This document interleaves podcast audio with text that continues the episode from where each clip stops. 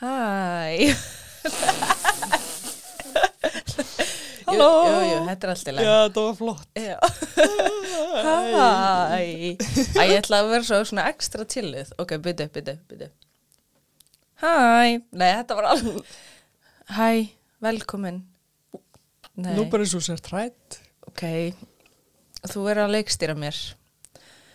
Hæ, velkomin í dag Ég get ekki með ert að horfa svona á mig Velkomin í þáttun í dag Það er miðgudagur og ég er í Svíþjóð Ó, herðu.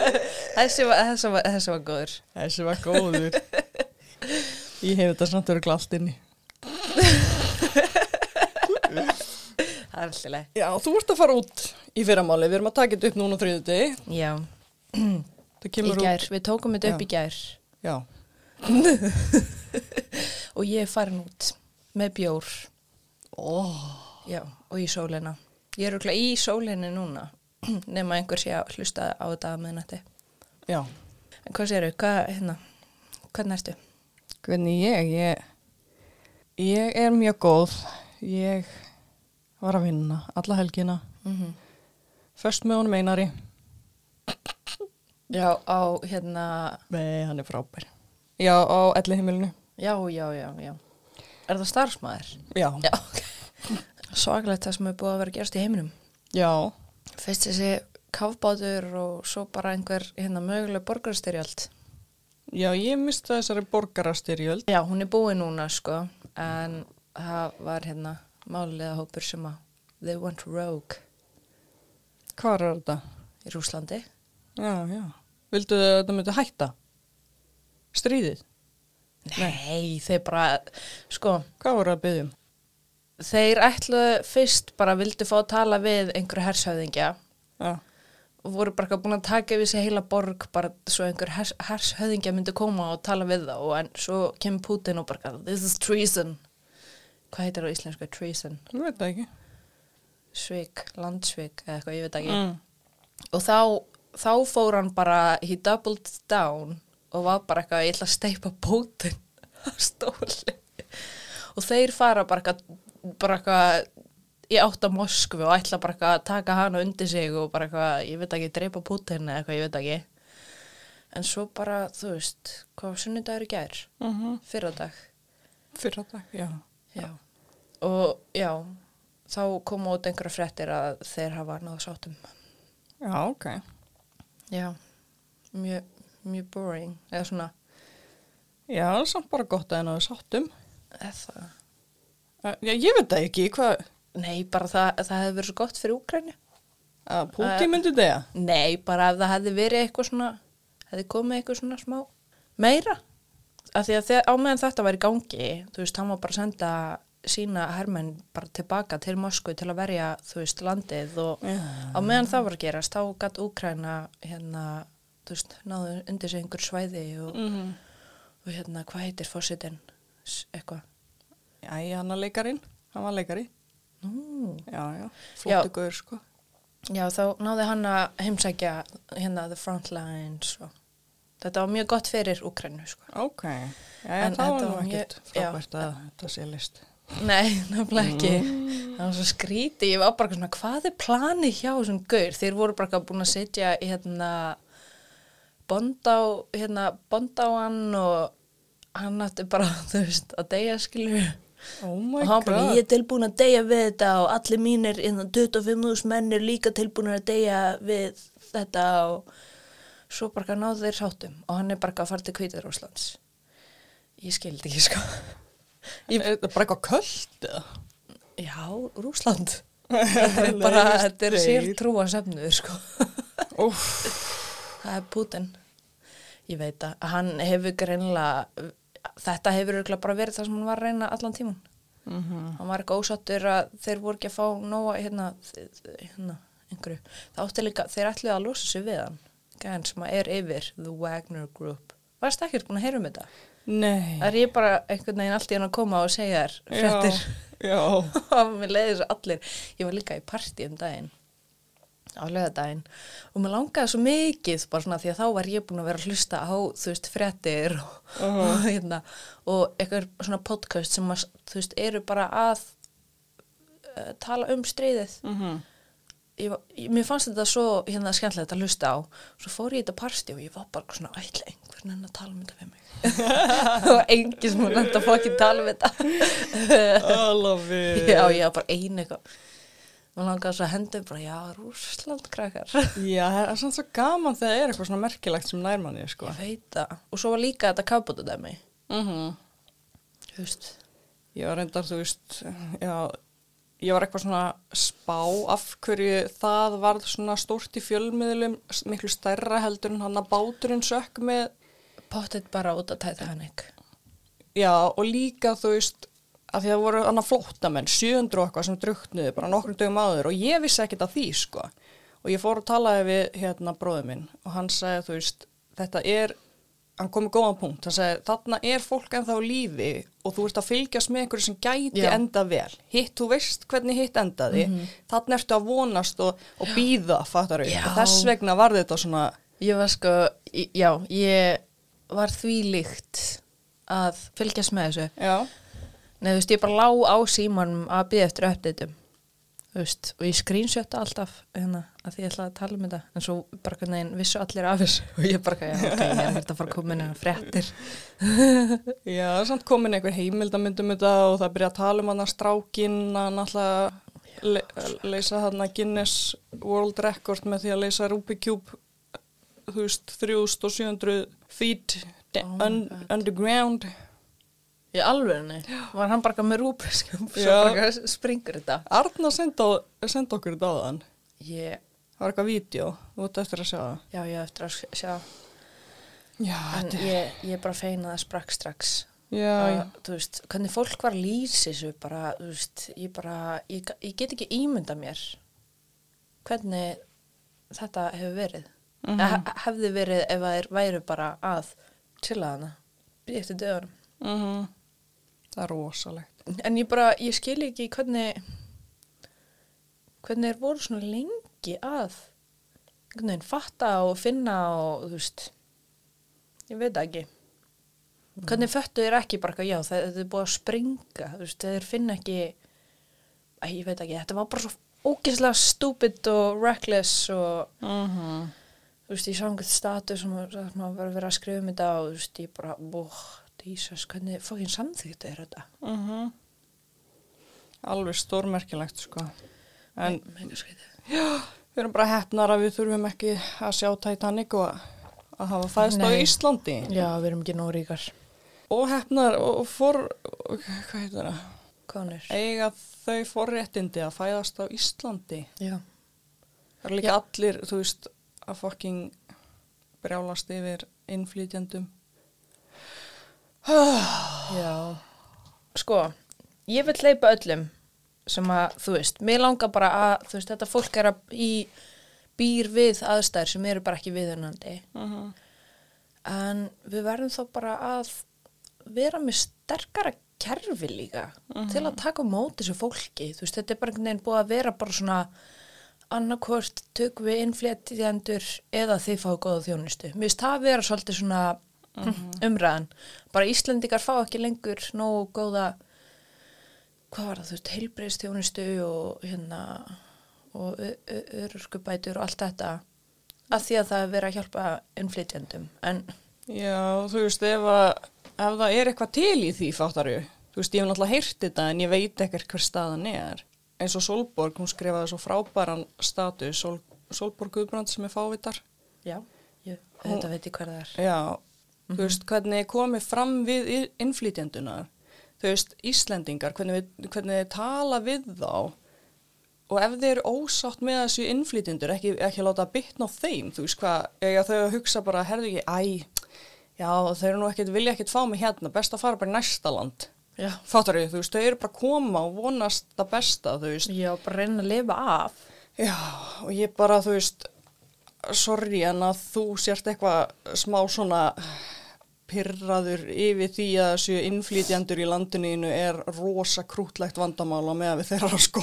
Já, oh, eins og með transfólk, þú veist, þegar fólk er bara eitthvað, ég ætla ekki að nota sis og nú er ég aftur að fara þetta var önnur raugraði og ég bara svona, já, ástu mín, þú veist að þú sér köllu sis er voða worries. já, þetta er bara svo lítið vandamál Mhm. og þú veist, þú þarft ekki að kalla þig sis alltaf, en þú veist, þú ert samt sis þú veist að trans kemur frá grísku eða eitthvað sem þýðir hin, eh, megin Mhm. og síst þýðir að þú sért á réttum staði eitthvað, ég man ekki alveg, ég las þetta Mhm. þannig að þú veist, þetta er ekkert eitthvað random orð sem var að koma Nei, þetta er gríst orð já.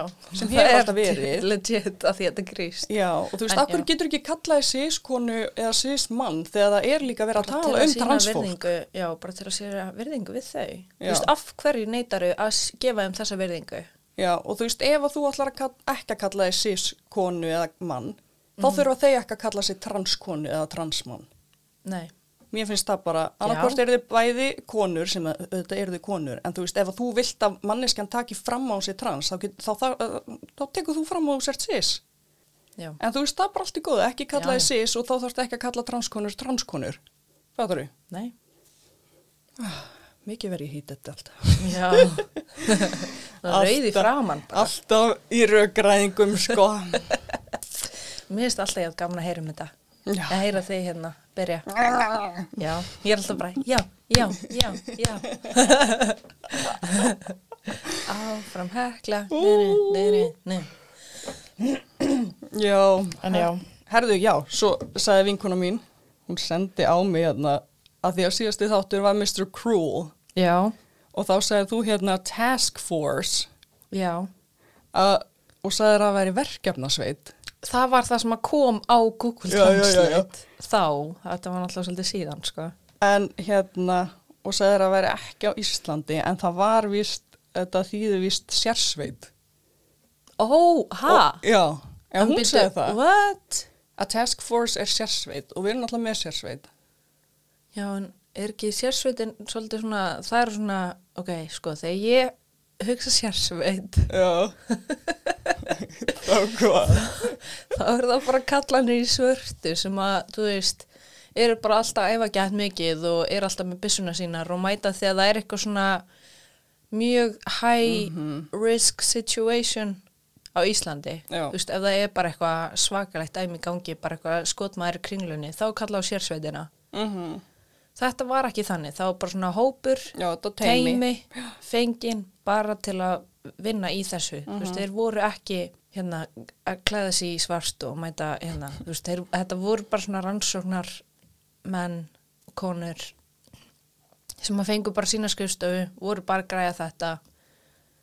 Þetta var ekki Jónsi og vinir í svörtum fötum.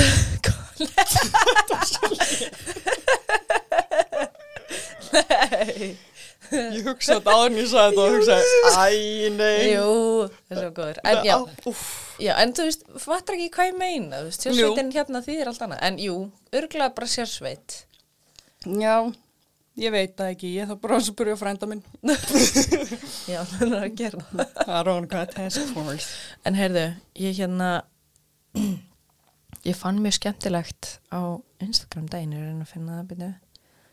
Hérna áður og fer í fréttunar, ég googlaði þetta til þess að vera alveg 100% á því sem ég er að segja, sko. En sis kemur frá latínu, greinlega, að það ekki Gríkland. Ég er rosalega. Latina er bara eitthvað svona sér. Já, já, ok.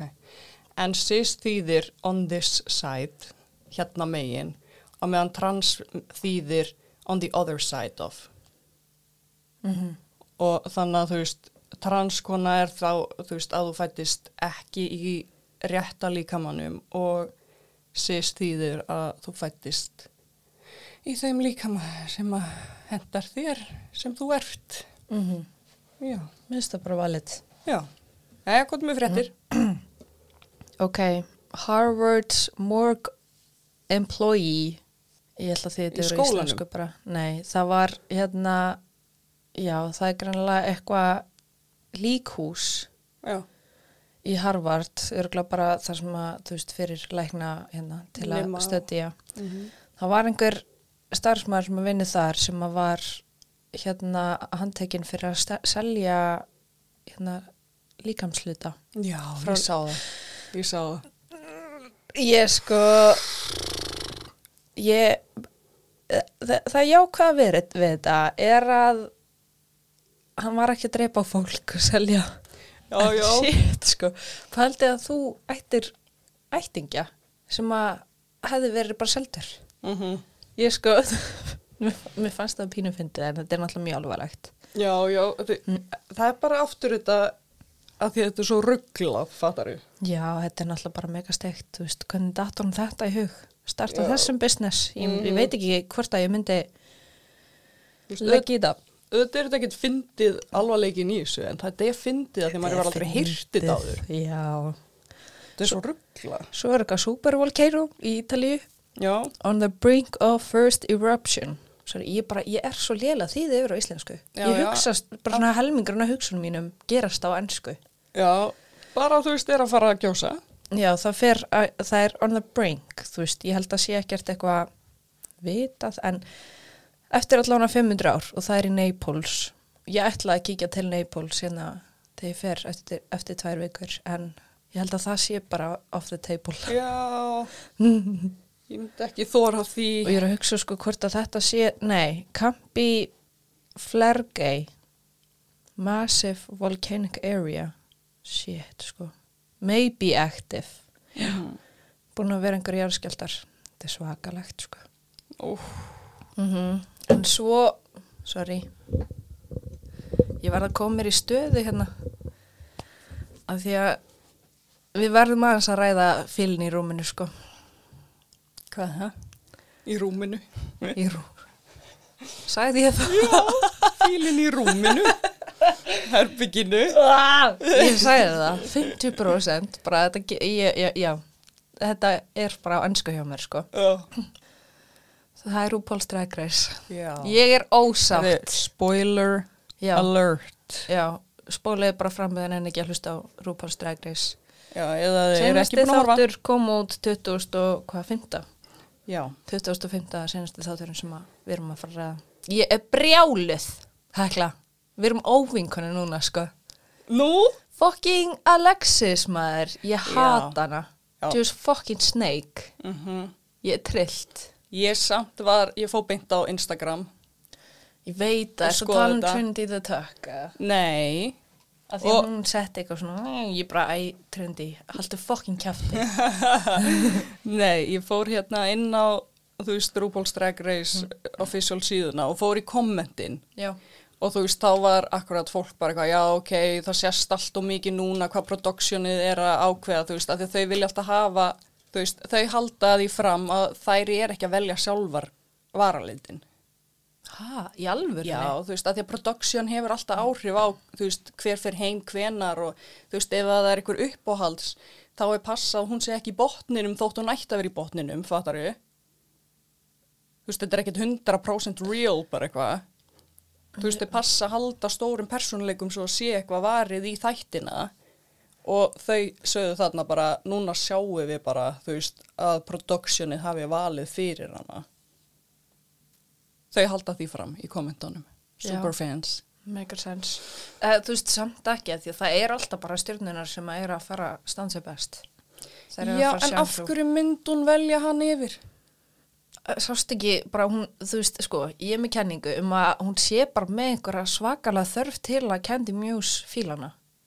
Eins og þarna með Heidi, hún eitthvað, yes, she said, no, no, Já. that didn't happen. Allt í einu, ég bara svona, hvað var að gerast? En svo sé hrætt við hana. Mhm. Svo bara eitthvað, fór það að rífast áferðan að grenja og í hvað ég megan ekki, sko, ég er En- bara út með hana. Nei, æ, hún, er, hún er viðkvæm drottning eins og ég. Mér finnst þú bara, ég held að þetta sé bara ekt, sko. Þetta Ég- var bara ég- eitthvað svona emotional manipulation, þú veist, ég veit það ekki. Hún bara eitthvað, nei, ég nenni þess ekki, fer bara eitthvað. Já, sko, ég, ég, ég það, hún er náttúrulega, þú veist, þau er undir svo miklu pressjóri þarna. Ég skila og byrjar að grenja bara á random tímum, sko. enginn hana búin að, þú veist, nema náttúrulega Heidi, en þú veist, það var náttúrulega bara eitthvað geðveitt skiljanlegt, hún bara eitthvað fóra því að hún var bara orðin get unhappy þarna, mm -hmm. þetta var greinlega ekki fyrsta atviki sem hafði, sem hafði komið upp á, skiljur Mhm. þannig að þú veist, ég skil hana að hafa farið, ég hefði 100% og ég hef gert það. Ég í hennar spórum og bara, ég ætla að fara, Mm en hérna, en þú veist, þetta Alexis dæmi, sko, ég bara, what a fucking snake, what a snake. Ég, að því að hún er náttúrulega fucking ógeisla skotin í Lalari. Bara var að missa sig yfir henni. Ný, þú veist, Víst. Það bara, hann var alla þættina bara ó, ó, ó, slefandi ok, yfir henni. ég, ég sem spottaði skil. það ekki, ég sagði bara í einhverjum einum eða tveim þáttum og það var eitthvað moment, en þú veist, þetta var ekki eins og þannig Candy og Joey. Nei, Candy er náttúrulega rosa mikið, sko. en ég held að Alexis hefði aldrei valið. Ég held ángríns að þetta var productionið, sko. Var þetta ekki bara, þú veist, ég vil hafa Candy hérna? Jú, productionið. Nei, þú veist, ég er mann Lalari, hún er líka bara gæðvett skemmtileg. Þú veist, Candy er bara boring, sko. Mér finnst hún bara boring, hún er ógisla leiðileg, er einhvern veginn alltaf að reyna hérna, býr til eitthvað ó... Já. Umulegt dæmi, svo trillist hún þegar það er konfronta hana, skiljur, bara, I did that, I didn't say that, bara eitthvað brjálu, þú veist, ég var bara eitthvað, yes, neina, jarðana bara, þú veist, allavega í sinni serju, þá var hún, þú veist, að búa til chaos og þá var allavega gaman að vera á mótinni. Núna er hún bara einhvern veginn svona, yeah, I kick it with you, eitthvað, þú veist, og ég er bara svona, djöðlega ertu boring maður, Já. go home. En hún er samt gott sjónvarp, sko. Nei, ekki lengur. Mér finnst hún verða í hinserinni, ekki í þessari, sko. Ég er bara svona, og hvað ert að gera hérna? Þú ert ekki einu svona, þú veist, fyndin. Mér finnst hún bara ekki fyndin. Já, ég elsk hana. Þú veist, hún er búin að vinna eitt challenge og það var ekki eins og hún hefði verið eitthvað, vá, þú veist, hinnar voru bara ekki jafn góðar, skilur. Mm Mér finnst það náttúrulega, ég náttúrulega elskar allar ógeðslega heitt og Alexis líka, sko, en ég bara var ósamanlega þessari ákverðin. Já, það var mjög skrítið, sko, þú veist, en ég er náttúrulega bara, þú veist, og líka, þú helst með hérna Candy, Alexis og Jessica. Nei, ég sagði ég fíla þær líka af þeim sem að þú sendir einhvern upp, ég sagði ég fíla þær líka. Ó. Ég elska bara allar Já, en ég ég er Jimbo-kona. Ég, ég sagði, ég sagði þér Ok, það. ég held, að, ég held að þú væri hérna Team Jessica, af því er elskar hann svo mikið í pitstop. Já, nei, nei. Sko, var- Ég, já, ég elska Jimbo líka, ég vona hann vinni. ég held með Jimbo, þar. ég held með Jimbo í Kanadas Drag Race, Mhm. þótt hún var frekja þar. Svo held ég með henni í UK versus the world, og brjáluð að hún tók það ekki. Mhm. Og svo er hún komið núna og ég bara, hún verður að vera- að vinna. Mhm. Ég er búin að, hennar. já, ég er bara búin að vera Jimbo-kona síðan ég sá hana í Kanada, sko. Þannig að það hefur alltaf verið mín kona. Ég sagði að einhvern tíma löngu, eða þú veist, þegar þættinu var að byrja og það var bara að koma á Instagram, en ég ákvað að minna þið ekki á það því ég sagði við að mín kona vera rúsla, sko. Já, ok, ég var líka bara eitthvað svona, ég held að vera að tala um Jessica, Já. því að það verðast allir elska hana svo mikið, en hérna, já, ég, ég var sko Jimbo, Heidi og Lalari, og fokkin Heidi er farin, Lalari er dottin út, þannig að það er bara Jimbo eftir. Mm -hmm. En tjöfullin, ég sko, ég öskraði þegar hún fór, var að leika Shirley Temple og hún fór að dansa. Já! Oh my god! Það var það fucking finnasta. Bara eitthvað að dansa eitthvað. Og hárið eitthvað á hliði. Oh my god, ég misti það, sko. Uh, og svo hann eitthvað heldur að við munum passa svo vel saman og hún eitthvað að þú kannt að passa eitthvað if you know how to babysit dí Það er svo fucking fyndin, sko. og svo, þú veist, já, djöl og hún fór líka alveg ekstra all out í outfitinu þannig, ég held að hún Já. vita bara að hún myndi vinna þetta Ég var pyrruð að hún vann ekki. Ég veit að kjólinn Hún hennar. Alexis, nei Alexis vann kjó, ekki, ekki í snetski Nei. ekki Ég er að tala um, kjó, ég held að vera að tala um hérna, þá var hún Ad Adam and Steve nei, Adam and Eve já, nei ég hérna er að tala um, klift út Adam and Steve hún var Adam and Eve nei ég vil ekki hafa. Ég veit ekki, þú veist, jú, jú kannski var þetta hérna, að Nei. því að hún var alltaf með hana, tippi og orminn og. Já, nei ég var að tala um núna síðast. Hvaða challenge var það aftur? Það var kjóllin, já. já. hún var með hérna, skin, hérna face kini. Já. Mér Já. fannst hennar outfit amazing. Já, mér fannst það líka Alexis var flott, sko. Algjörlega, en mér En, fannst já, miklu meiri vinna hjá Jimbo en ég skil alveg Ale- Alexis en líka þetta var náttúrulega, já, ég sko, ég hef, jú, ég hefði valið Jimbo bara því að þetta var svona high fashion camp. Mhm. Það er bara, oh, það er sweet spot. Mhm. Og Alexis var bara svona típist drag, Mhm. einhvern veginn. En ég bara, ég, ég burt með hana, sko. Fuck. Ég vona hún og. Candy mjög stætt út næst. Ég bara, ég meika þær ekki, sko. Það er náttúrulega komnar í topp fjögur. Uh, það fucking Candy mjög svo dætt út. Ég bara, ég skil ekki, hún er ekki eins og með flott outfit. Hún er alltaf með hana yfir nipplinni og sýnir þær alltaf. Þú veist, ég er bara svona, nennur please, að bara, þú veist, hún er alltaf í sem að Michelle hattar, svona bodysuit, eða svona, hvað heitir þetta, svona samfellu einhvern veginn. Mhm. Þú veist, læðu, þú ert í All-Stars, læðu meiri vinnu í fucking outfitiðin. Mhm. Það eru allar bara, þú veist, eins og þarna Adam and Eve, þú veist, þetta var bara, þetta var svakalegt. Mhm. Hún er bara engan veginn í takti við þær, finnst mér. Nei, ekki með outfitin sko, en ég fíla Candy. Ég elskar allar. Já. Ég er rosa starfströkk á þeim. Ugh, ég bara, þú veist. Og meir segja Alexis, ég myndi bara... sjá hún á götu, ég myndi ekki einu svona, þú veist, ég myndi bara að horfa á hún og lappa frá hjá. Oh, my sensitive queen. Candy Muse. Nei, ég var að tala með Alexis. Já, já, ég myndi líka bara já, ok, bye bitch. Herði, Nei, vera, nú ertu bara að vera hater. Já, ég er bara, mér finnst þær tvær ömulegar, ég bara, ég, ég er svo brjálu út eða báðar, þú veist, Candy Muse algjör fucking frekja, bara, hún gerir það ekki eins og skemmtilega, maður er bara eitthvað, getur fucking trullaður upp á hótelherbyggi, þú veist, og svo er Alexis þarna bara, er ekki að mikið að kreyfa svona acceptance frá Candy, Mm Og bara frá öllum. Mér finnst hún rosa svona, hún er ekki alveg komin á þann staðan í ötrull, fattaru. já, nei, En það kemur mig aldrei nú vondi. hún er nú alveg Já, komin á góða aldur. En þú veist, það er margir á þessum aldri sem eru ennþá bara eitthvað Já. með sjálfa sig og... Ég bara, þú veist, að ég veit ekki, ég hefði viljað betra cast. Mm, Þú veist, það eru svo margar legendary queens sem að hafa, þú veist, klárað þetta og hafa ekki ennþá komið aftur. uh Það væri til ég að fá, já, ég, bara, ég er bara svo sátt að Jimbo sé þarna að ég bara... hún áskilja að vinna, sko. Ef hún vinnur ekki, Sara, ég fer að fucking háta Þetta er þá niður á mitt level. Kemur þá niður til mín. Þá verð ég hater. Hater. Það við saman hérna. og ég horfi þá ekki á fyrsta þátt í næstu Jú. til að mótmæla. Svo horfi ég bara Ertu ekki að horfa á þetta á plexinu eða? Jú. Ég horfi bara annan og held áfram til að mótmæla. Það myndi enginn taka þetta. Nei, ég veit það, en ég þarf samt að leggja mitt fram. Koma bara með hateful comment. Nei, nei, nei, nei, nei, nei, ég fer ekki þáka. Fer ekki þáka. Jú, þú varst að segja í senstu viku. Segði ég? Já, Hvað segi ég? á kommentaðar hluti sem að ádjöfaf. Þú varst Já, að kommentaði. það er aldrei, það er aldrei hateful. Ó, Það er alltaf respektful, mín skoðun á hlutunum og góði punktur sem neglir í gegn. Tjúk. Og svo setur fólk haha kallið á það.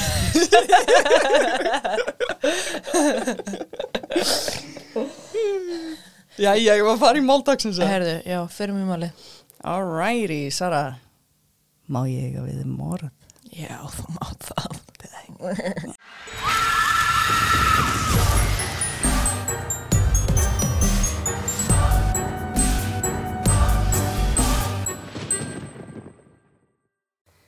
Við erum stödd í Mountain City, Tennessee og þar búa um 2500 manns sem er aðeins minna en Ísafjörður eftir mínum leitum rannsóknum. En þetta var lístu sem mjög huggulegur, vinalegur og trúaður bær.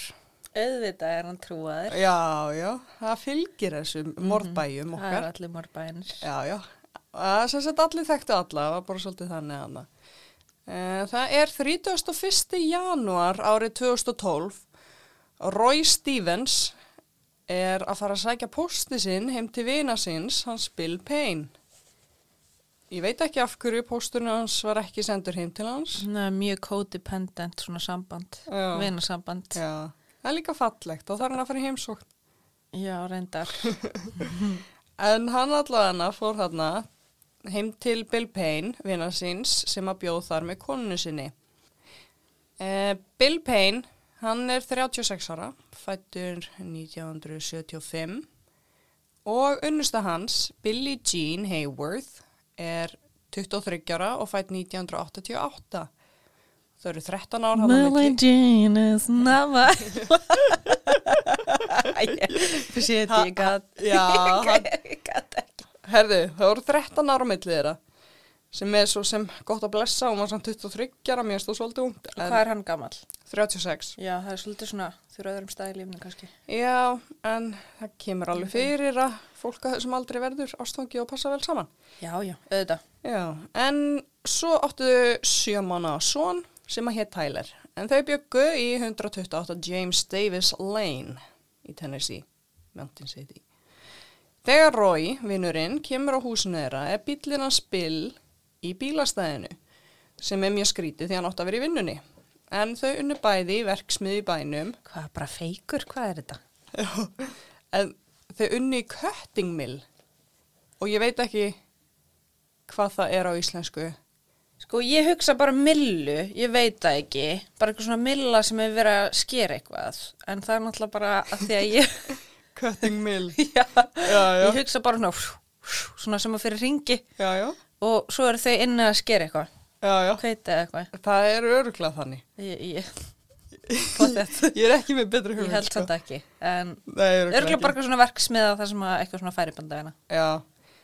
En hann fer allan að inn til þeirra og það er ólæst sem er bara mjög venjulegt hjá þeim því að þau vildu bara hafa opið þannig að vinnir og fjölskylda geti komið hvernig sem er og þetta var bara allt, þetta er líka svo lítill bær, þau bara, þetta var rosa kósi allt saman. Rói gengur hérna inn í húsið og finnur engan og fer þá inn í svefnherbyggi þeirra Bill og, og Billy. Bill Já. og Billy. Ég ætla alltaf að segja Billy Jean, Mhm. svo þeir eru glum ekki Bill og Billy saman. Já, En hann fer inn í svefnherbyggi til þeirra og þar liggur Bill látin á rúmunu þeirra. Hann var skotin í andlitið fyrir neðan vinstra auga og skorin á háls. Hann heldur áfram að leita í húsinu og finnur þar Billie Jean liggja látna á gólfinu inn í badnaherbygginu hans Tylers. Hún hefur skotin í hliðin á höfðinu og hún láð þarna og hjælt á sjö mánuða Tyler á meðan. vann dáin að. Hann var lifandi en gaf ekki frá sér múk. Æi, Ástin. Já. Rói hringdi strax í laurugluna og, og lauruglan kemur svo að þetta vang. Þau heldur fyrst að þetta væri morð og sjálfsmorð því ekkert benti til þess að eitthvað hafi komið upp á þetta hafi verið eitthvað glæpsamlegt. Það fundist nefnilega engin sönnunagögn basically.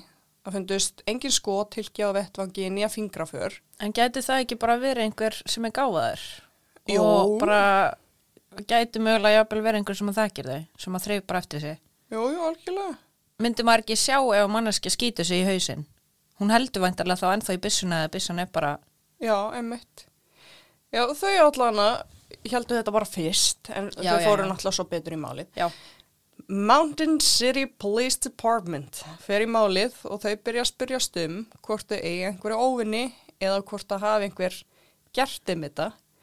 Og þar sem þetta er lítill bær, þá tóka mjög stuttan tíma fyrir laurugluna að enda hjá Potter fjölskyldunni. Fadurinn, Marvin Potter, hann var kallaði Buddy. buddy. Já, einmitt.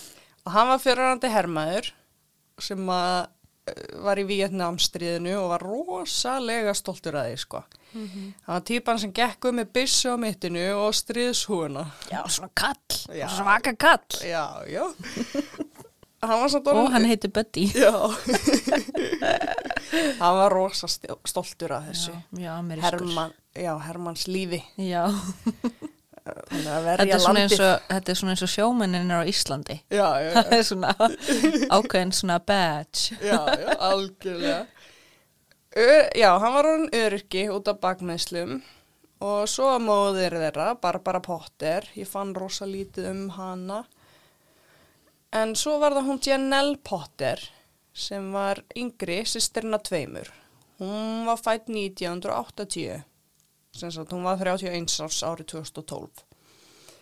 En, og svo átt hún eldri sýstur, Kristi, en hún náði ekki vel með mömmu sinna og sýstur. Þannig að hún flutti bara út eins fljótt á hann gatt og var ekki mikið í lífið þeirra. Úf, váka það er sárt. Já, Ná ekki saman. já mamma, mamma er að var greinlega rosalega ströng, sko. Já, Og já, hún bara kom sér eins rætt út á hann gatt, sko. já, ok. En Janelle var ekki talin eins og jafnaldra sínir. Sem krakki var hún greint með þroskaskerðingu, í eitt, hlustunar og talkalla og var í sérkennslu öll sín skólaár. Og fekk öryrkja tekur, tekjur þegar hún náði, Te tekur. öryrkja tekjur þegar hún náði 18 ára aldri. En Kristi, sýstir hennar, segir hún gat miklu meira heldur en fólk held. Þú veist, hún væri ekki eins veik og fóreldra þeirra heldur fram. Nei. Já, þú veist, henni fannst hún bara bráðgáðið og vissi alveg að hún, Hættu. já, já, Pældi að vera stimplaður bara sem einhver svaka hérna ósjálfbarga einstaklingur uh og, að því að svo voru þau að íta svo mikið undir þetta, fóreldrarna. og, og þá er hún líka bara já ég bara, þú þú Já, veist, já. ég er bara svona veik og hérna Algjörlega. Fóreldra þeirra hlúðu mikið að Janelle og komið fram með hana bara eins og bann. En þó þegar hún var 31 Já, já. Hún var bara alltaf með bánsa upp í Nei. og ég dæmi samt ekki. Nei, ok, reyndar ekki, það er svolítið sko. gott sko En- Nú En þetta var rosa mikið bara eins og hún væri ennþá 15 sko. Bara adult Eh, baby. Yngri, já. Þau voru overprotective basically sem að ég veit ekki hvað er á íslensku. Ofvandandi Já, Nei, jú, eitthvað svoleiðis. Hún fór hvergi nema ég fylgd með fóreldru sínum. Átti sem sagt ekkert félagslíf. Og þegar hún fór í apotekið að kaupa lifið sína fór mamminar alltaf með og þegar þau fór út í búð og fór hún alltaf með fóreldru sínum. Oh my god, og svo er sýstin búin að segja bara að hún sé bara mjög klár og eitthvað Já, já. bara gett sjálfberga Mhm. Oh my god Herði, árið 2005 fluttu Buddy, Barbara og Janelle frá Pennsylvania til Mountain City til að sjá um ömmu Janelle sem satt móður Barbara. Janelle fannst erfitt að fara í nýtt samfélag og hún sagði sjálfa Mountain City fólk tekur ekki vel á móti utan að koma til fólki. En þetta er bara eitthvað sem hún sagði. -hmm. sem er líka þannig í smábæum ég er að menna maður flýtur og maður er ekkert að fara að banka á næsta hús bara hæ hérna ég var að flytjinga eigum, við að hanga saman eigum við að vera vinir eða fara út í búð og bara hæ ég var að flytja hing fólk er bara að gera sitt og þú veist í vinnu og með sína vinni og eitthvað Mm -hmm. þannig að En hún allavega var mikið á netinu og þar fekk hún svolítið sitt uh, félagslíf. Hún elskaði Facebook og átti marga vini á Facebook en fóreldrar hennar höfðu auðvitað aðgang af Facebookin hennar. Nei, hættu, ekkert engalíf í búði. Hún var duglega að skrifa statusa og posta myndum, selfs eins og hún kallar þetta. Sjálfs, Já, hún fekk kannski ekki memmu þetta heitir selfies, Nei, rúglega ekki. selfs. Þetta er rúglega mamman og pappin að segja henni hérna, þetta er svona selfs. Hún bara, já. Hörðu, einn stelpa í bænum að nafninu Tracy sem vann í apotekinu. Það var eitt skipti sem að Janelle fekk nefnilega að fara eini í apotekið. Og þá akkurat byrjuðu þær að tala saman og skiptust á símanúmurum. Já, bara fyrsta skipti sem hún fer út, þú veist. Já, En hún byrjaði að bjóða Janelle að koma og hanga með sér og vinnu sínum. Og Janelle gjörsamlega elskaði þetta. Þú veist, loksins átt hún vini og í gegnum Tracy kynntist Janelle bróði Tracy honum Bill Payne sem við hittum í byrjun. Janelle varð rosalega skotin í Bill. Allir sáu það. ég skil það bara mjög vel. Ég er að minna, ja, nei, ok.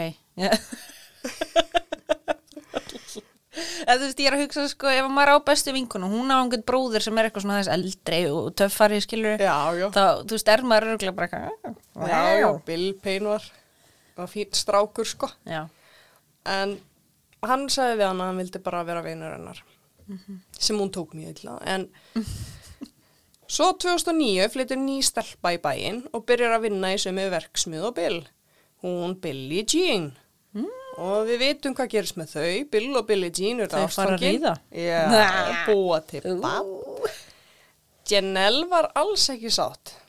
En hún kynntist frænda þeirra Bill og Tracy, sískjónunum honum Jamie Curd hann var 7-8 árum eldri en Janelle ég fann ekki hvort það var og þau byrjaði að deyta en Janelle var ennþá rosalega bitur yfir Bill og Billie Jean þótt hún var komin í nýtt samband.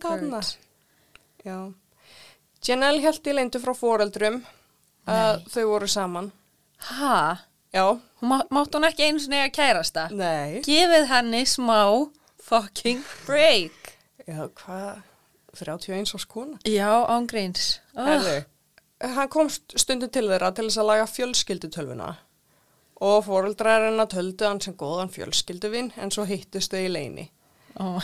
Og Jamie kefti leini síma fyrir Janelle. Oh. Já, svo- Romó. Já, svo þau getið tala án þess að neitt vissi og svo þegar að síminn var skoðaður var hellinga selfs af þeim saman Æ, Já. það er mjög kjút. En samt, ef maður hugsa um það, kona sem er þrítug, maður sem er færtugur, mm þá er það samt, að, já, það er samt eitthvað svona, eh. Já, mér finnst samt, þú veist, þú er komin upp í þrítugt þá komið svo mikill þroski held ég Já. náttúrulega er ekki þrítugt Já, ég er að segja það. Þess vegna þetta, þetta er svona, ég sé bara úlinga fyrir mér, eitthvað svona, hann kefti leini síma, já. Eitthvað, um mm, það, En þetta er bara fullorðið fólk og þau þurfa að leina sambandinu sínu. þetta er rosa Oh my god. Herði, árið 2012 þá var Janelle 31 árs eins og ég sagði. Hún býrði ennþá hjá fóreldrinu sinum sem voru á sjötugsaldri. Hún þarf að vera komin heim fyrir miðanetti. Hún mátti ekki drekka niður reykja. Hún var ekki með vinnu og var ekki með bílpróf. Oh my god. 31. janúar. Þá var hann Scott Lott. Ha, veitu, ok, Scott Lott, Scott Lott. já. Hann sá um rannsóknina, Ok, já. lauruglumadur, og fór að yfirheyra Barbara, Buddy og Janelle. Hann segir þeim að Bill og Billie Jean fundust myrt, spyr hvort þau viti eitthvað um málið eða hvort þau hefur vita um eitthvað sem vildi skada þau. Þau segjast ekkit vita en þau játa að það, það er búið að vera rígur lengi á milli þeirra fjölskyldna. Janelle segir að hún óskaði þeim einskis íls en að Billie Jean væri búin að gera lífið hennar að hreinu helvíti undanfarið. Ok, váku, hún er góð manneskja þá. Óskan ekki íls. Já, Ég er, myndi, já, ég myndi 100% vilja fá manneskjuna bara ofan í jörð, sko. já, Einhver hún, búin að vera, hún er þroskarinn við, já, greinilega. þessi þroska skerta Já, stelpa. kona sem má ekki fara neitt án með um pappa. Ég held að hún sé bara mjög klár kona. Pott þétt, en bara í einhver svona hlutverki Já. út af mömmun og pappanum. Mm Sem sagt, Billie Jean átti að hafa búið til marga Facebook aðganga þar sem hún pósta á veggin hennar ljótum orðræðum og hótunum. Hótunum nöðgun, að skera af henni höfuðið og eitt pósturinn sagði hún væri ofalleg til að lifa. En heldur að það hafi verið Billie Jean? Heldur þú það? Held ég það? Já.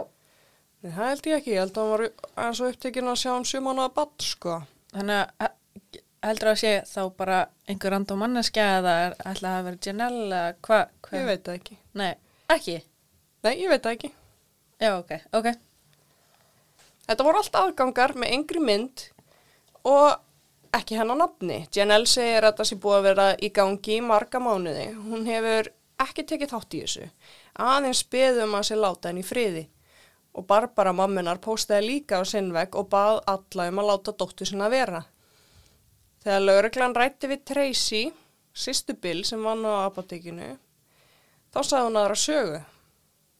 Allir vissu hvað Janelle hataði Billie Jean.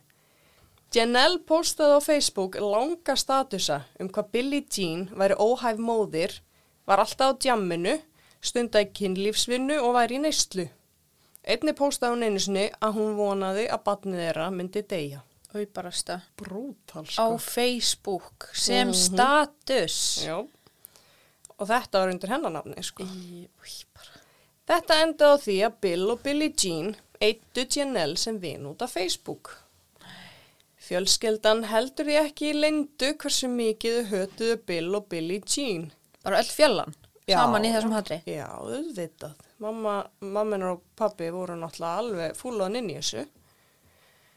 En Janelle segir lauruglu frá því að eitt kvöld hafi verið kasta steinum í gluggan hennar. Þegar hún fer út finnur hún tvo steina með nafnunu Bill Payne skrifað á einn þeirra með tús. Á hinum stóð Billie Jean.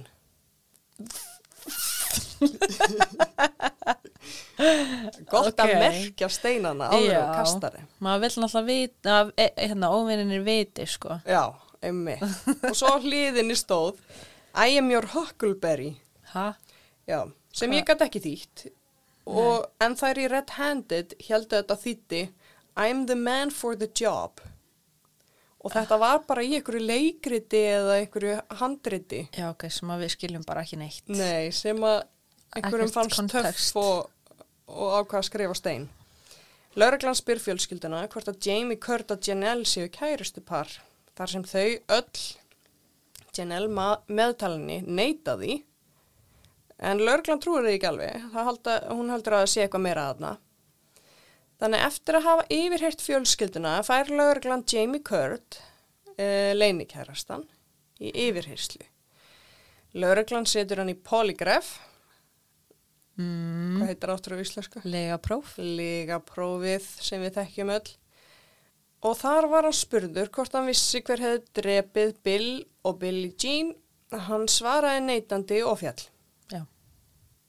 Lögregla þrýsti á hann og eftir sex tíma í yfirheyslu sagði hann lögreglu frá því að Buddy, pappi Janelle, var sá sem skaut og draf Bill og Billie Jean. Auðvitað. Vætalega, akkur, akkur, við erum búin að fata það. Hverju eru þau ekki búin að fata það? Að hvað? Uh, þetta var Bill, nei, hérna, þetta var Janelle og Fjallan. Bara þessi manneskja sem er bara Buddy, Barbara, Janelle. Veist. Eina sama manneskjan. Já, mæti halda það. Í lok yfirheyslu spyr Jamie, er CIA inn í málinu? Sem er Central Intelligence Agency. Akkur ætti, Já, það er nefnilega skrítið að spyrja því og það fannst lauruglunu líka. Þannig að þau spyrja hann, af hverju hann spyrja því. Hann segist búin að vera í sambandi við CIA umbósmann eða agent, hann Chris, sem segist vera að passa Janelle frá áreitinu og eineltinu á netinu og myndi gera allt fyrir hana. sorry, sorry, halda fram.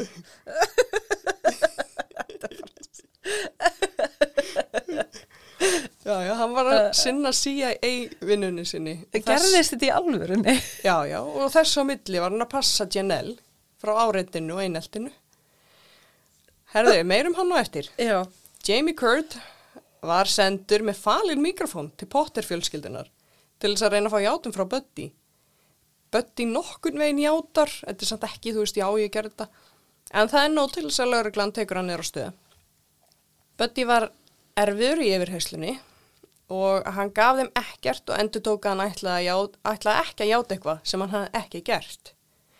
Eftir fjóra tíma byrja hann að tala um áreitið síðustu mánuði, hvað var búið að hóta, að nöðga og með á dóttur hans.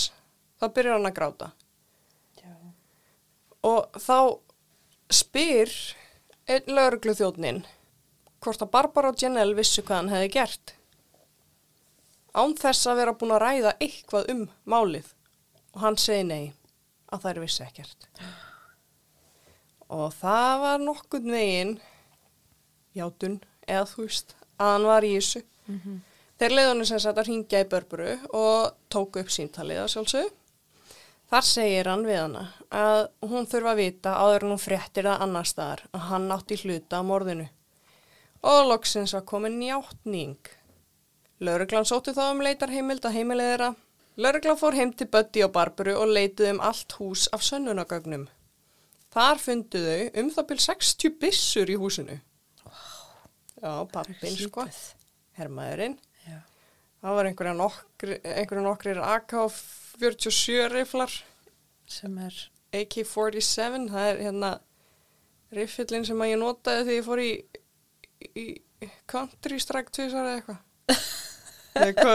Það var ekki einu svona Country Strike. nei, Ekki, nei. Hvað heitir þessi byssuleikur sem er frægast? og ég bara heilu minn stoppaði, sko. Ég veit hvaða leikur þú um, já, Ekki GTA, nei, Já, já, þe þetta var riffillin sem að dama notaði í, í þessu tvö skipti sem hún spilaði, sko. konan, Það voru hnífar hangandi út um allt. Það var skotbelti hangandi á loftkútnum hans Böddi. nei, Það var með loftkúta því að hann var eitthvað lélugur, kallinn, og þurfti súrefnið til þess að hjálpa sér að anda og þar var hann búin að skreita það með, með skotbelti, sko. Já, hann er svona, svona manly veikur. hann er veikur en hann ger það manly með því að setja á. Heldur Hann er ennþá kallinn, sko. Þetta var svaka, flott, sko. Herði, einnig fyndist myndir af Bill og Billie Jean dreifðar yfir stofugólfið. Ha?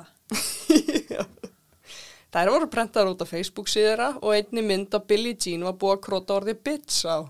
Bara eins og í myndunum. Já, það var bara burn book hjá. Já, hjá fjölunni. Á stofugólfinu. Já, já. Og það er bara svo skrítið að því að, þú veist, hann var búin að ringja í hana og þeir voru að sækja, þú veist, hann var upp á lauruglustöð og þau þurftu að sækja um, þú veist, leifi til þess að skoða húsið. Já. Þú veist, það hefur tekið einhver tíma. Bara farið og hendið þessu núna. Já, þetta er rosa skrítið, sko. og það var mér svo sagt í einu sem ég horfði á, sko, ég mynda að, hérna, mammina var eitthvað að reyna að rífa þetta í sundur og meðan lauruglan var þarna. Nei. Og lauruglan þurfti að rífa þetta af hennu og segja að hætta, sko, og taka hann út. Ó, En lauruglan tekur fjölskyldutölvuna og sendur í skoðun og einni aftan á pallbíl Buddy svo voru þrýr pókar fullir af pappír úr svona pappírstætaravél. Hvað heitir það? ég held bara tætari. Já, tætari. Einn lauruglu þjóttnin eitti heilu mánuði að púsla saman blöðunum sem voru um það byrj 100 blaðsjör og kom í ljósa þetta voru e-mail til og frá Chris, Vini Janelle, Leini CIA-lögunni. Ég, ég er orðlis. Ok, halda áfram. þetta er þólimaðis vinna hjá sem lauruglu þjóttni í mánuði, Guð sko. minn almáttur greið þeir sem að þurftu að fara í það að rannsaka þetta mál. Já, ég veit það. Það bara, það er svo margt skrítið í þessu. Uh og líka bara að vera einn að taka saman hvað, hundrað og eitthvað blaðsjör sem er búið að tæta niður Mhm. og það er frá einhverjum CIA kalli ha, Já, ég veit það. Herðu, e-mailin náðu tilbaka þá, uh, hérna, þegar að Bill og Billie Jean voru nýflutt inn saman og Billie var orðin ófrísk. Þannig að þú veist, það er örgulega, það er meir en ár síðan. E-mailin frá Chris snúast að mestu um hvað Janelle er falleg og góð stelpa og hvað er hrikalegt hvernig komið fram við hann á netinu. Chris er að mestu að reyna að samfara þau hjónin um að það þurfa að drepa Bill og Billie Jean í þessum e-mailum. Eftir einhver tíma er Chris byrjar að kalla Barbara mömmu. nei, Jú, jú. Bara mamma hérna þetta er svona þetta Já, já. Þetta var sem sagt vinur hennar úr grunnskóla eða eitthvað þannig. Þetta er æsku vinur hennar, hann, hann hérna, hann Chris. Barbara heldur engu aftur og segir í einu e-mailinu Við erum búin að fá nóg, það vill enginn drepa neitt en við munum gera það. oh my god Í öðru e-maili segir Barbara uh, viku fyrir morðin, sendur hún þetta e-mail. Og segir hún, vonandi verður gott veður á mánudaginn og pappi verður on his A-game. nei, Já, þetta er svo skrítin fjölskylda. Ég skil þetta ekki. Já, Chris er bara orðin líka einna fjölunni. já, Bill og Billie Jean voru drepin mánudaginn eftir þetta e-mail. Þegar hún var að vonast eftir góðu veðri. Í e-mailum frá Chris talar hann líka um hvað Billie Jean er óhæf móðir og hann hafi síðan í mjög stuttum kjól út í búð. oi bara Ríkalegt. ég skil ekki Og einni segir hann, guð hvað mér langar að drepa þau núna.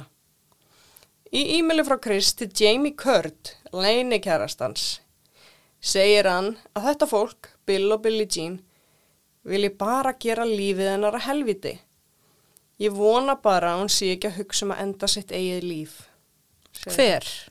Hann segir þetta hann Chris. Já, CIA. um Janelle. Já, segir þetta við Jamie Kurt, leinikærastan, sko.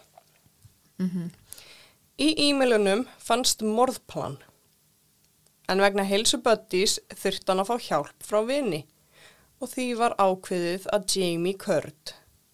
Greið, Átt að hjálpa Jamie Kurt, til. Að vera drein inn í eitthvað svona. Bara reyna eiga kærustu og hafa það næs og svo bara, maður bara drein inn í eitthvað morðplan. Þegar e-mailin frá Chris eru rannsökuð kom í ljós að e-mailin voru að koma frá sama IP heimilisfangi og fjölskyldutalvan. Þar sem að Buddy kunni ekkert á tölvu og Barbara var alltaf að svara e-mailinum, þá álektaði lauruglan að Janelle var á baku í e-mailin frá Chris. En Auðvitað. ekki búið að sanna það. Ha? Nei, þú veist, jú, að kemur Já. frá sama heimilisfangi, Já. en, en hún er ekki búin að játa það. Það er ekki búin að játa það, þau veit ekkert. Kannski var mammina bara að senda það fram og tilbaka. Þau veit ekki. Þannig að ég laug ekki á þann, sko. Nei, Ég lík ekki. nei. Ég líki. Herði, lauruglan skoða líka samtalið á milli Janelle og Jamie í leynisímanum. Klukkan 4.39 um morgunin þá sendir Janelle á hann Já, hann er að fara núna, ég heyri bílnum. Og mínútu setna sendur hún annað sem segir Ég elska þig, sendu á mig um leið og kemur tilbaka. Þetta bendi til þess að hún vissi nákvæmlega hvað var að fara að gerast. Já, 100%. Mm Búið var að handtaka Jamie Kurt og Buddy en núna var handtekið Barbara og Janelle. Jamie Kurt játar allt þegar hann fer fyrir dóm í oktober 2013. Eh, Þegar að máli var tekið fyrir var um 207 blaðsjur af e-mailum notuð sem sönnunagögn. Vá. Akkur er það að prenta þetta út? Ég veit það ekki. Akkur ekki bara, ég veit það ekki. ekki hugmynd, akkur ekki bara fólki með spjaltölfur og það er bara, ég Þetta er 2012 samt, en samt á sama tíma. Akkur að prenta út og búið til meiri sönnunagögn heldur en þetta sé á netinu. Já, já, þú veist að meina, já, þau prentuðu þetta út fjöllan. Já, og tættu. Já, og hvað það er skrítið. Já, rosalega skrítið. Nei, vá hvað það er skrítið. Ég veit það. Það meikar enga Mér langar sens. svo að vita hvernig þetta fólk hugsar. Þú veist, ég til mig ekkert sem klára konu endilega, en ég, ég, ég fatt að ég á ekki að prenta út e-mail sem ég vil ekki að finnist. Já, sérstaklega þú ert að fara að drepa einhvern. Þau munum vantarlega að skoða þau. Þú ert búin að vera að setja einhverja status um að hérna, bara hún sé að selja sig og eitthvað. Herðu, allavega Jamie segir að Buddy sóttan um fimmum morgunin 31. janúar 2012. Hann sagði að hann vissi ekki hvað var að fara að gerast. Hann vissi bara að hann ætti að hjálpa Buddy með eitthvað verkefni.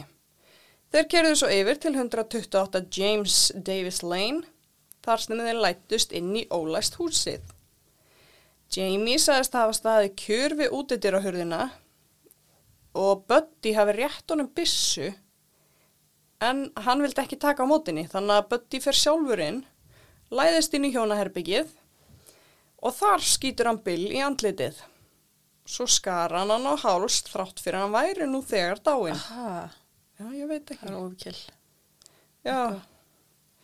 Billie Jean reyndi að flýja en þar stóð Jamie fyrir útidörahurðinni og hljópum því inn í batnaherbyggið.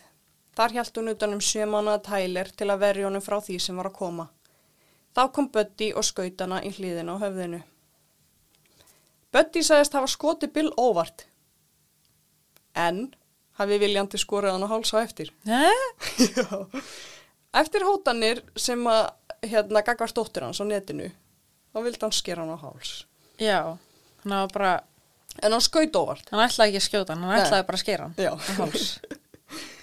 Herðu, Jamie tók samning að vera vittni í málunum þeirra pottir hjóna og fjekk í staðin 25 ár í fangelsi.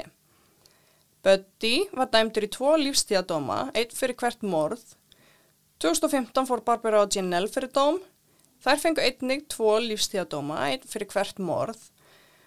Og fréttir frá 2021 er, segja að Barbara náði samkominlægi við saksóknara sem myndi senda hann í 25 ára fangelsisvist að því hún játa að hafa átt hlutdeild í morði af fyrstu gráði en ekki morð, uh, framkvæmt morð af fyrstu gráði. Ég, Hel, heldur að fá, hafa hlutdeild sem er samt rétt, hún framdi ekki morðið. nei, en hún var samt með að plana potið. Al, já, hún var í e-mailunum. Já, Þannig að, já, ég veit ekki hvað mér finnst um þetta. Af því að þar sem hún hefur setið inn í nýju ár núna, sem er meira en 30% af domnum, þá má hún fara að sækja um reynsluleust. Núna. nei, er það svona stuð? Já, en pappi Janelle er bara að fara að deyja þarna. Ég veit ekki hvort að Janelle, hún átti eitthvað, þú veist, séns 2070 og eitthvað. Já, Og ég er ekki góð í starfræði, þannig að ég veit ekki hvað hún er gömul þar, sko. eftir 50 ár hann áttrað. Já. Og þá er hún séns á Nei, reynsluleust. býtu, Þannig nýræð. Já, hún gæti verið ennþá á lífi þegar hún má fara að sækja um reynslulöst. En pappin er að fara að deyja þarna, sko. Já, Þannig að, en það er enga nýja fréttir í dag, þannig að hún er ekki komin út, sko. En, já, anytime, Já. any day. já, mamman, sko, Wow. Já. Og hvað hefur, mér finnst Janelle Mm. vera svona miðpunturinn af þessu öllu. Já, já. Hún er the mastermind, þessi þroska skerta kona, bara fucking klár. hún er bara mastermind, bara, sko. fær bara heil lið til að dreipa eitthvað fólk fyrir sig. Sem henni líkar ekki við. Ég er bara drullu klár kona, sko. Ég trú ekki öðru. nei, Samt svo kemur náttúrulega líka að að það voru mertir steinar. það er ekki, það er er nú ekki að sko gáfast, en ég sko hugsa ef ég myndi fara í yfirheyslu Mm. og vitandi það að ég hefði drepið einhvern, þá myndi ég líka örgla að segja eitthvað svona rugl. Mhm. Ég Já. myndi pottið bara, veist, já, hérna hann, sendi, hann kastaði þessum steinin Nei, það, og var, svo það segir eru hann, myndir af þessum svo steinum. segir hann, já, þú meinar. Það er bara, þetta er bara, bara- evidence, það er, það er búið að merkja þessa steina. Ok, Það er bara myndir af steinunum, bara með tús, bara Bill Payne, bara stórt yfir steinin. Svo var einhver steina sérfræðingur sem sagði bara, sorry, en þessi steinar koma ekki úr garðinum. Af því að þau voru bara gett sléttir, þannig að þeir hafa verið einhver starf hjá fjöru, þú veist það sem Já. þau voru sléttir. já, Þannig að þú veist það var bara búið að kaupa þá eða eitthvað. Og svo búið að merkja það og svo búið að kasta þeim, sko. En svo kemur nefnilega einn, hérna, Chris æskuvinur sem var með henni í grunnskóla í Beck. já. hvað sagður, Chris. heitir hann Chris? Já, já. Og það er bara Chris sem er á myndunum sem hún hefur notað. Nei, Og hann segir bara, já, hún er saman í grunnskóla en hérna, ég er ekki CIA, sko. oh my god, grei, enn einn kallinn sem er bara dregin inn í Já, já, þetta, er bara, Identity theft. já, ángríns, Mhm, eða elsku, fraud eða hvað sem það heitir. ég held að, þannig eins og myndina Identity Thief. Já. Æi, Þetta er, þetta er svaka klikka mál, sko. þetta er, vá, þetta er styrlað. Já, þetta er bara, já, þetta er allt út um allt, sko. Ég er orðlega sett þér þetta. Þetta er, þetta er smá fyndið, en auðvitað er þetta ekki fyndið. Þetta er bara svo, þetta er svo langt í burtu frá raunveruleikanum. Þess vegna er það fyndið, sko. já, Þetta já. er bara eitthvað sem að þú getur ekki eins og ímyndaðir og þú getur Nei. ekki búið þetta til. Þetta er það fáránlegt, fattar þú? Já, ég held að þú veist, þetta er bara efni mynd, sko. Já, já, algjörlega. Þetta er bara handrit, þetta er bara frumlegt handrit. Veistu hvað er erfitt að gera frumlegt handrit í dag? Já, uh, þetta er það í hug, Já. ég náttúrulega er ekki neitt í þessum. Nei. Það, bara, veist, það er allt búið og gert, fattar þú? Það er, svo, þú, það er svo erfitt að fá original hugmynd. Já, það eru alla myndir eins. Mm alltaf, eh, þú veist, alltaf sama Plottið. útkoman og já, Já. plottið, allt þetta, uppbyggingin, Mhm. allt þetta. En þetta væri bara, já, Fáránlegt, sko. já, En já, ég vona bara að strákurinn Tyler sé bara í góðum höndum og já, ná jafnir sá þessu, elsku já, strákur. þú veist, ég veit að sjö mánuða eru rosalega eitthvað svona, þú veist, Já, en hann er náttúrulega bara búin að missa mömmu sín og pappa þannig að ég veit og... Já, algjörlega, það hefur áhrif, en ég bara vona innlega að hann muni ekki eftir þessu. Já, þú veist, bara kvöldinu fattar momentinu mm mhm. því hann er svo ungur, fattar ég vona bara að hann hafi ekki minningu af þessu já, bara hann hafi ekki séð þetta þannig að þetta er bara ekki einu sinni hún alltaf hjælt á honum bara og vafði hann inn í sig sko. Já, en þú veist bara því að sumi muna eftir að þau voru einsás, ég bara skilda ekki nei ég man ekki, ég man ekki En það er náttúrulega neitt. sko gæti líka verið bara einhverja falsminningar sem maður heyrir já, já, en eins og Heyri bróði sögu. minn hann er bara, bara já, þegar ég var þryggjára þá hefna fóru við þangað og mannstu ég var í svona peysu og afi minn bara, já, alveg rétt, já, já þú veist, hann bara mani þetta allt hann snar geðvikur í minningum sko Já, er hann ekki líka ógislega gáfaðar bróðin? Jú. Þú veist, er hann ekki bara hann er rosalega klár sko og Já. svo einmitt bara minningarnar þá náttúrulega, þú veist, já, er hann það svakalegt þannig að það passa alveg að hann sé. En það gæti samt alltaf verið, veist, að hann heyrir bara mömmu sína tala um þetta og þá man hann þetta. Hann já, fimm ára hann tala líka um það sko. Já, hann segir, ég veit ekki hvað já, hann er- búin að spá í þú veist, það er bara, hann, hann er bara svona er þetta falsminning, er þetta að því ég er búin að sjá mynd og búin að fá að heyra sögunum þetta? Eða er þetta í alvörinu minning, Já. og er alltaf að rýna í eitthvað svona sko. Já, en ég ég veit ekki, ég hugsa að maður mun ekki eftir minningunni, maður hefur ekki minningunni en kannski hefur þetta einhver áhrif á hann á Já, svona einhvern hátt sem þetta veit ekki. En ég vona bara, en, áhrifin, en ef sko. hann er bara lítið batn vafi inn í teppi hjá mömmu sinni mm og hann heyri bara eitthvað hátt hljóð -hmm. þá kannski veit hann ekki nei, ég bara vona að hann mun ekki þetta moment. Að vonandi á hann bara æðislegt líf. Já, og góða fjölskyldu og þetta er náttúrulega hræðilegt. Þetta er hrikalegt. Rosasorglegt mál. En samt smá fyndið þetta er svo fjölskyldan er fyndin, morðið þetta er- er ekki fyndið. Einmitt. En Þetta er fjölskyldan er, svo- hilarious. Já, þetta er bara svo uh, klikkað eitthvað, þetta er svo fjarrri mér, þess vegna finnst mér þetta svona störtlað sko. Já, þetta, er- þetta er styrlað þetta er styrlað dæmi En já, takk fyrir í dag. Já, takk Bye. Bye